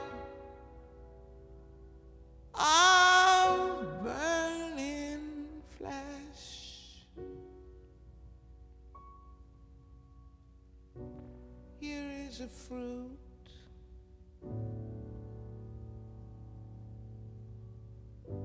For the crows to pluck.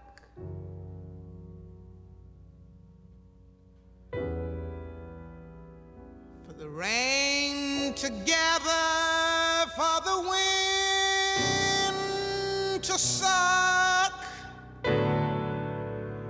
For the sun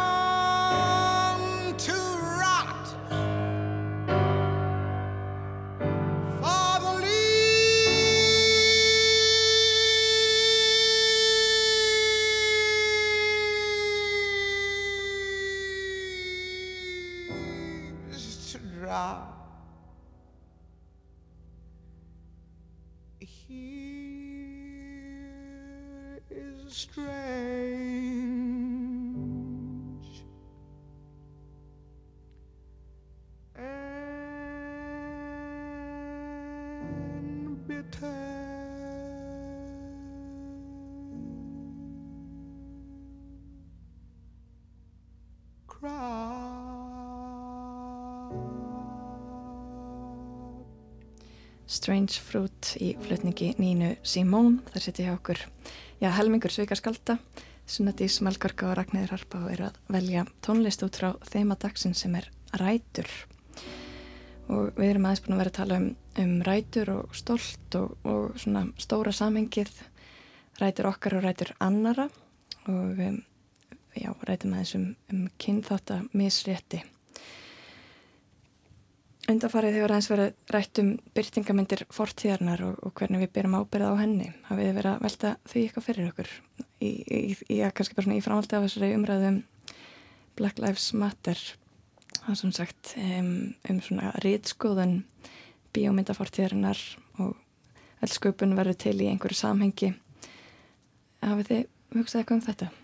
Já, og við höfum líka rætta og þá höfum við skoðað hérna, líka í ljóðbókunum sem við höfum verið að vinna hérna, þá tökum við vilt fyrir þema sem að hafa til dæmis verið tröldskessur, kerlingar og það náttúrulega er eins og það hafi ekki verið konur til í þúsund ár.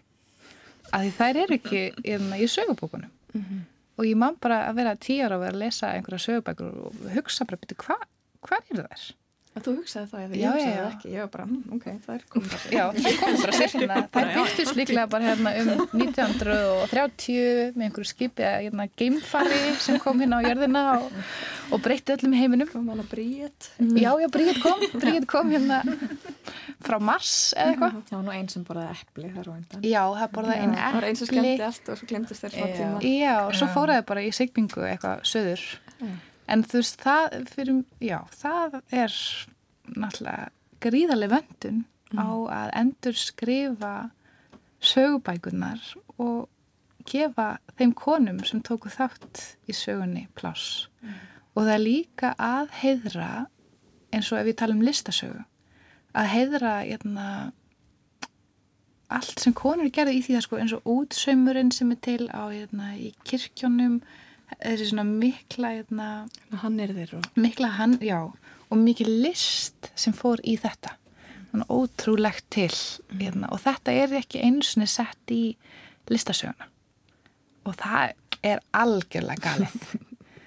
Hérna, og þarna sjáum við bara duss, þarna er verið að hérna, taka út bara hérna, listaverka sögu um, já, mjög langt tilbaka, þannig að ég segi ég bara, þetta er það sem að, ég kannski kemur fyrst í huga mér, bara ég skil ekki hver sildi með þessar konur. Hérna út fyrir heimin og koma þær aftur um, en ég myndi gætna vilja fá að heyra fleiri rattir og, hérna, og vita meira og lesa meira. Og ég veit að það hafa verið nokkuð batteri sem hafa verið að vinna í þessu. Mm. eitt sem að vinkona mín Berlinsun og Anna geða sem er hérna um, voru, að gera, voru að gera sem heitir Reconnaissance Database þar sem það voru að taka fyrir hérna búa til í rauninni bara svona gagnasafn af konum eins og fyrsti forritarinn, mm -hmm. Ada Lovelace hérna, mm -hmm. þessi kona fann þetta upp. Þessi kona var þessi hérna, náttúrfræðingur sem byggði veist, þessa kenningu. Mm -hmm. og þær eru þarna aðeins kannski öft þessu síðunum eða hérna, einn grein hér og þar en þetta eru huldukonur. Þetta eru huldukonur og það, það er ekki búið lengur að vera hérna, huldukona heldur Nei. skal hérna, skrifa nýja sögubækur En má ég þá spyrja ykkur, mér langaði með dætt í hug að um, þau vorum að, að um, undirbúa þetta þema uh, einn spurning á okkur allar Sunna, hvar ólst amma þín upp? Önnur amma mín ólst upp í vestur Skaftafellsíslu og hinn í Örlingshöfn við Patreksfjörð. Ég og svona mínar rætur og Íslandi liggja svolítið víða. Já, já, norður og austurland er alveg út undan en annars er ég svona svolítið úr af kjálkanum og Suðurlandinu og Reykjanesinu.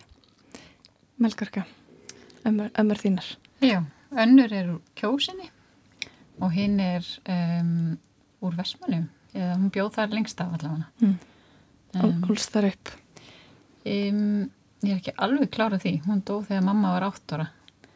Ég held að hún hafi búið líka fyrir austan eitthvað. Mm. Mm. En þínar, Ragnar Harpa?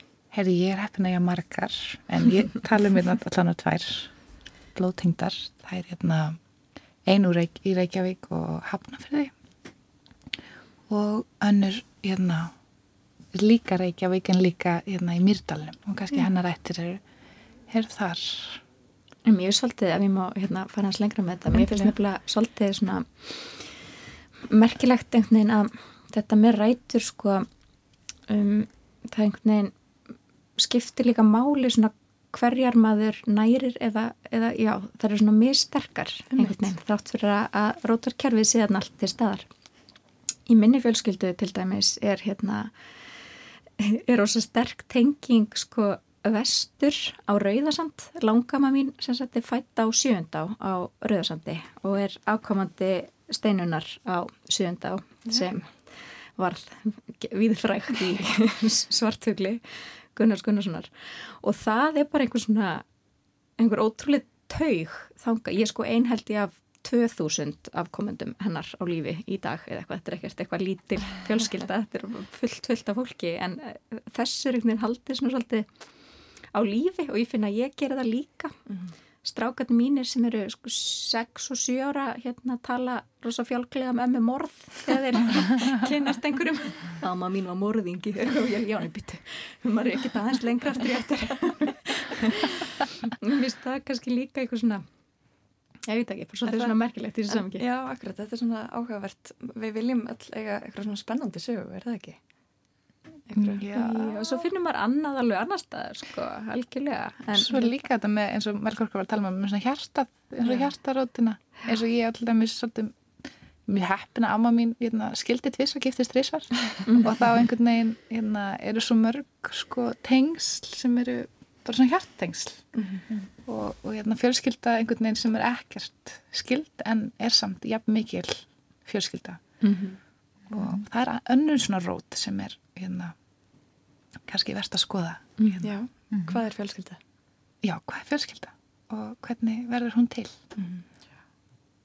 En líka svona í sögulegu samingi eins og bara nafni mitt, Melkorka ég læriði það náttúrulega þegar ég var yngri að ég væri 30. frá Melkorku Mýrkjartansdóttur og mann er kent þetta með vikingana sem að fóru og, og tóku þræla á Írlandi og, mm. og, hérna, og Melkorka hafi verið einn af þeim og þú veist, þá eru vikingarnir vondikallinn og þrælinir, þú veist sætustelpunar á Írlandi og þær voru allar teknar til fanga og þetta var svona sagan sem ég lærði svolítið mm.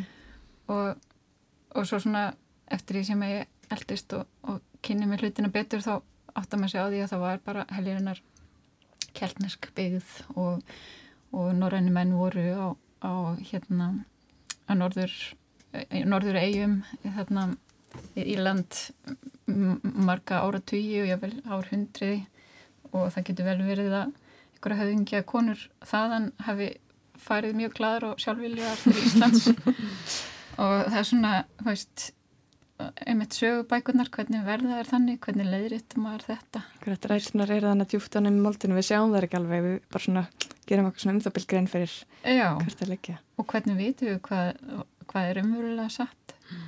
Og svo er þetta bara svo þú veist, hvernig, að því að sagan er alltaf að vera til. Og veist, ég hef til dæmis tvísar upplifað að, að, að hérna, komast í blöðin. Og, og þá sko voru menningarsíðunar fullar af köllum og viðtalið við mig var sett undir daglegt líf. Eða þú veist ég komst í bladið að þegar ég var eh, hérna í svo flottir peysu. Og þú veist, veist þetta svona þú veist þetta líka segir svo mikið mm, hvað er áherslunar líka og þetta er örgulega kannski enginn sem að hugsa þetta beinis eða fatta þetta og þetta er alltaf að gerast. Og þannig að það er alltaf þetta geta bent á að þess að verða reyður eða meguðu verið reyð mm -hmm. yfir svona, þú veist.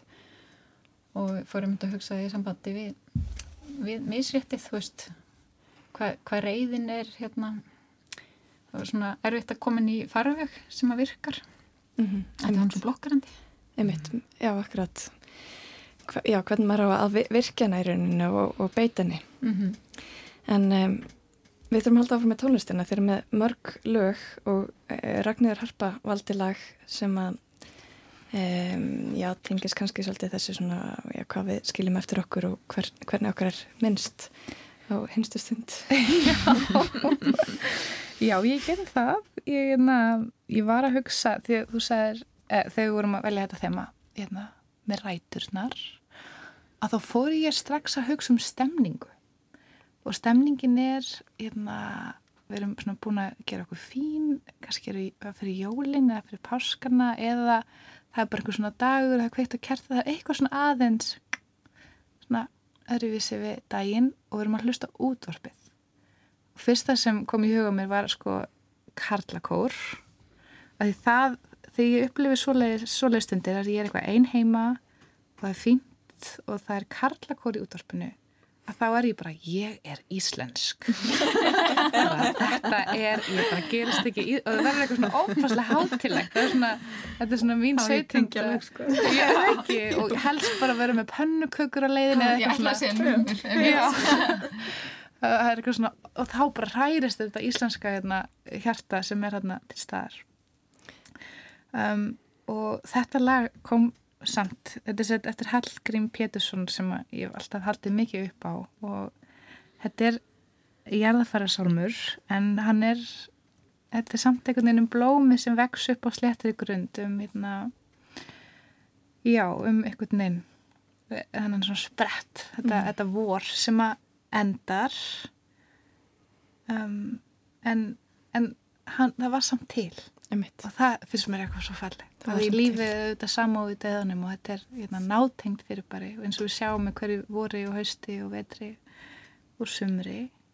Og það er nöðsynlegt að minna sig á hérna, endanleikan til að lifa fallegu lífi. Þetta er, þetta er eitthvað en þú getur ekki ítti á undan það, svona, það verður að vera til með öðru Það var samt til og, og hafði áhrif. Við, við skulum hlusta á allt eins og blómstrið eina. Ég, ég get ekki fundið það með Karlakór því miður en, en eh, við fáum flutning Sigurðar Skagfíld tenors og upptaknir frá árunu 1929 og Helge Bonnen leikur undir á orgil.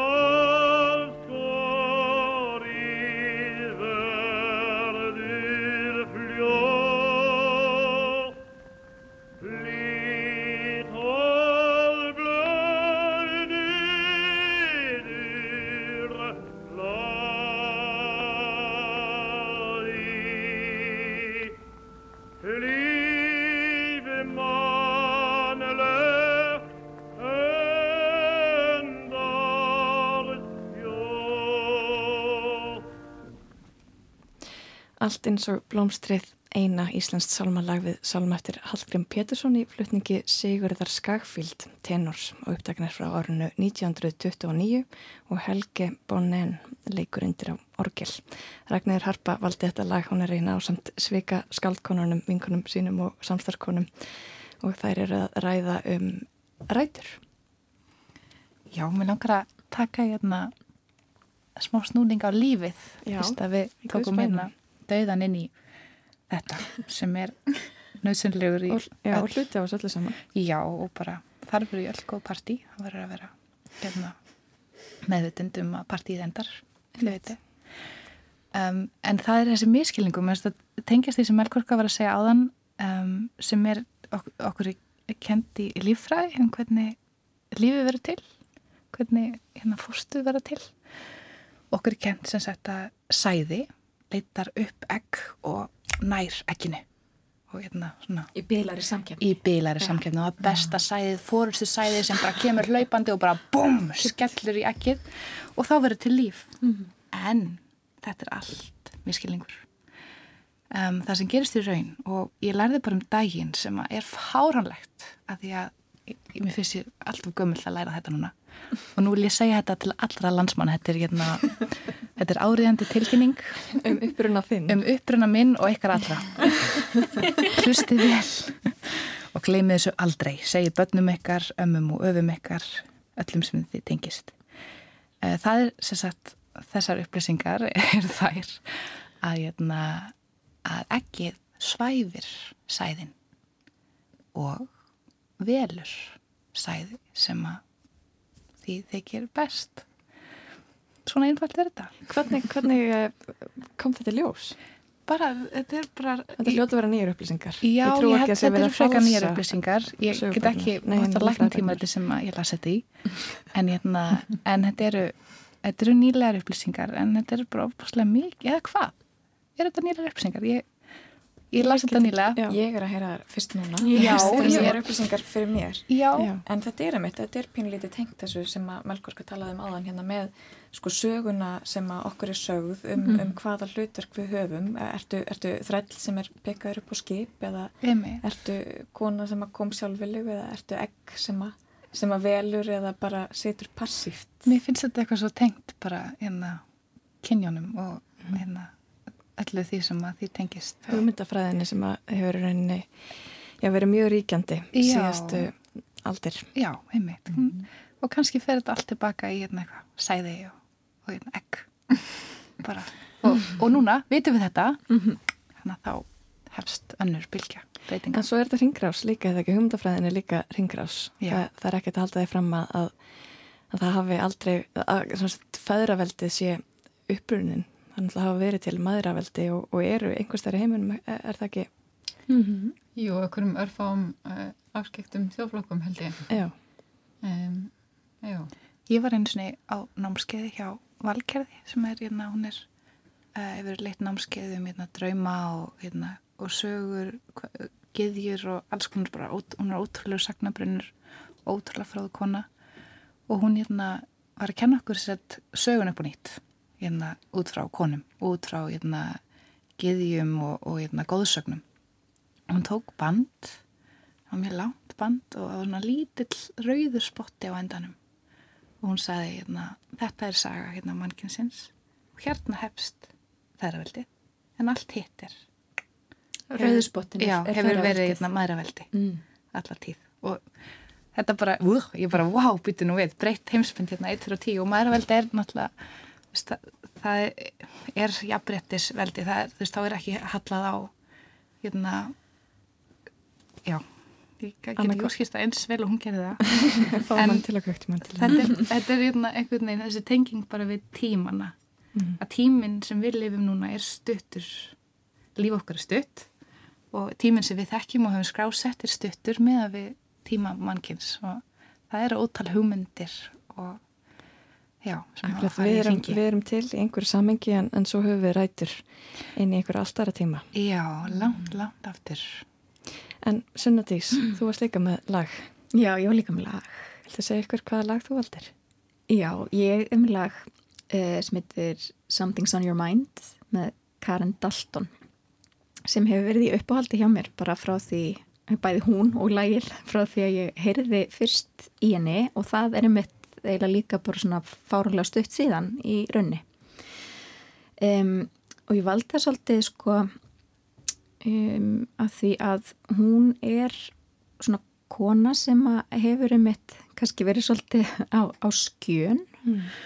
um, fólk sönguna um, sem að varð aldrei neitt svona stórstyrni beinlinis, Í hún- sínu samhengi. í sínu samhengi, þó hún hafi einhvern veginn alla burði til þess ef maður hlustar á hana eh, og var í uppáhaldi hjá mörgum bara svona eins og uh, Bob Dylan til dæmis.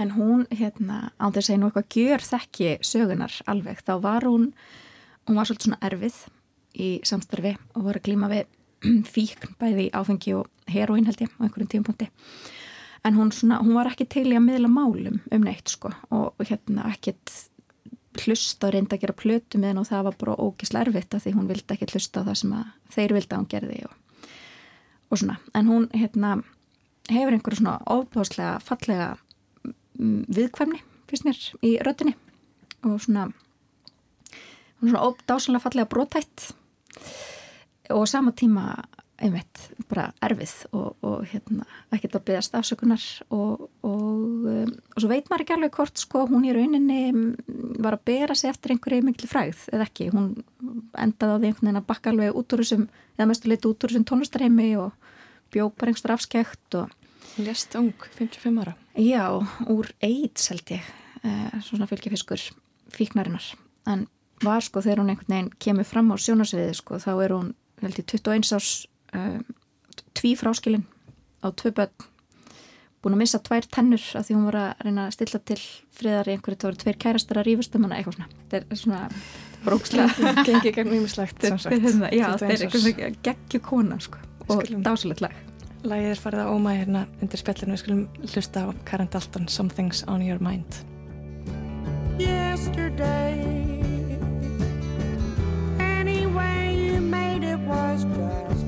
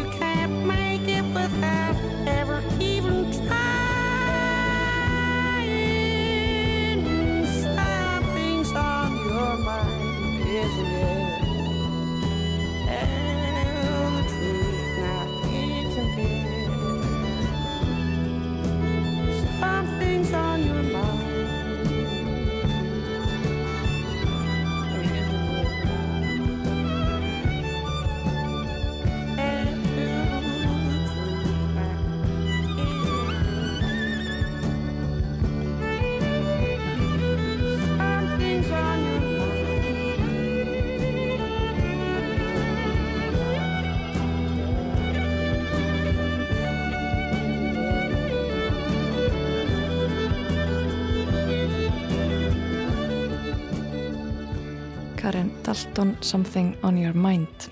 Svikaskald eru hjá okkur þar er að velja lög út frá þemadagsins sem er Rætur.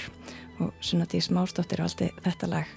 Sunna, mér er svo fallegt hvernig þú lístir henni Karen áðan sem svona viðkvæminni konu sem var samt svo sterk og ég er svona búin að vera velta þessu nákvæmlega þessu fyrir mér undarfarnar, eh, undarfarin misseri. Tengslinn sko, tengsl viðkvæmni og styrks. Mhm. Svona hva- hvar, hvar um, þessi, þetta jafnvægi liggur. Já, emmitt, mér finnst einhvern veginn uh, viðkvæmni bara svo að bráð nöðsynlegur eiginleiki hjá öllum og við mættum öll kannski bara vera enn viðkvæmari í rauninni. Ég man, ég man ekki hver það var sem sagði við mig fyrir einhverju mörgum mannu síðan og ég svona, svona vandlætingartón svona, oh, þú ert svo hrifnæm. Og ég var alveg, hvernig er hægt að nota þetta orð til þess að reyna að skamma einhvern? Bara, ég hrifst auðveldlega og það er slæmt bara, ég skil ekki alveg. Og mér finnst svona, hérna mér finnst þetta bara svipað í rauninni að vera hrifnæm og að vera viðkvæm þú veist, að maður eh, leifir leifir hlutunum að, að reyfa við sér. Og styrkur er ekkert að, að hérna, vera einhvern veginn eins og grjót og, og haggast aldrei sko. Einmitt. það Það er svolítið þetta bókn og bresta við förum aftur í trén og rætið Já, einmitt, og, og bara samkend og, og svona Já. geta fundið til með öðrum, það lítur að, að tengjast svolítið þessu hreifinamni og, og viðkvæmni líka, Já. þetta er svona kannski af, af sama meði ég, ég bannaði ykkur þegar við vorum að lusta lægið að fara inn í þetta en, en uh, þið sögðu aðan að, að til þess að bjarga heiminum þurfti að skrúa frá kvenleikanum getið í örstötu málu höfum rosalega stöndum tíma til þess að bjarga heiminum. Já, bjarga heiminum fyrir okkur. Þetta er mjög svona raunsannar aðstæður Nei, þetta er bara með styrkin sko, þú veist, það, það, til þess að það er í rauninni eini raunvölu styrkurinn felst í að þóra að vera viðkvæmur Mhm.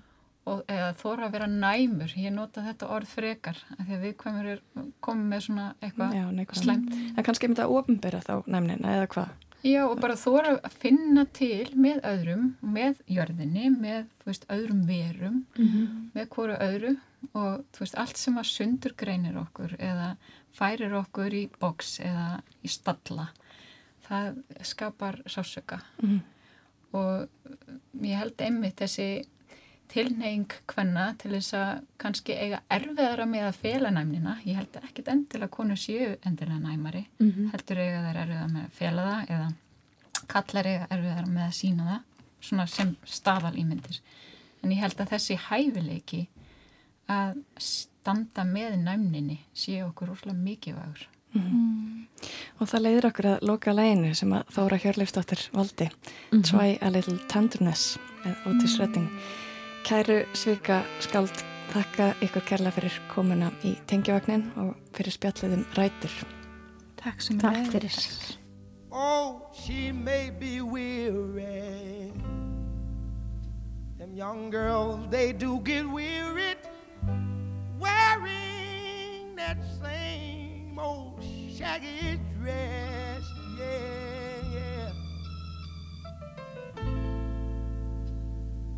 when she gets weary,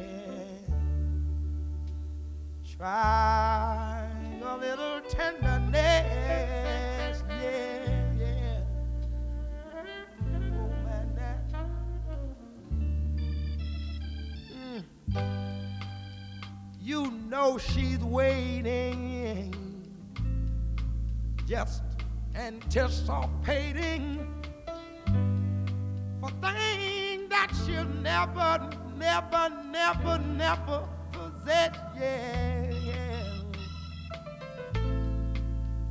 But while she's there waiting, and without them, try a little tenderness. That's all you gotta do.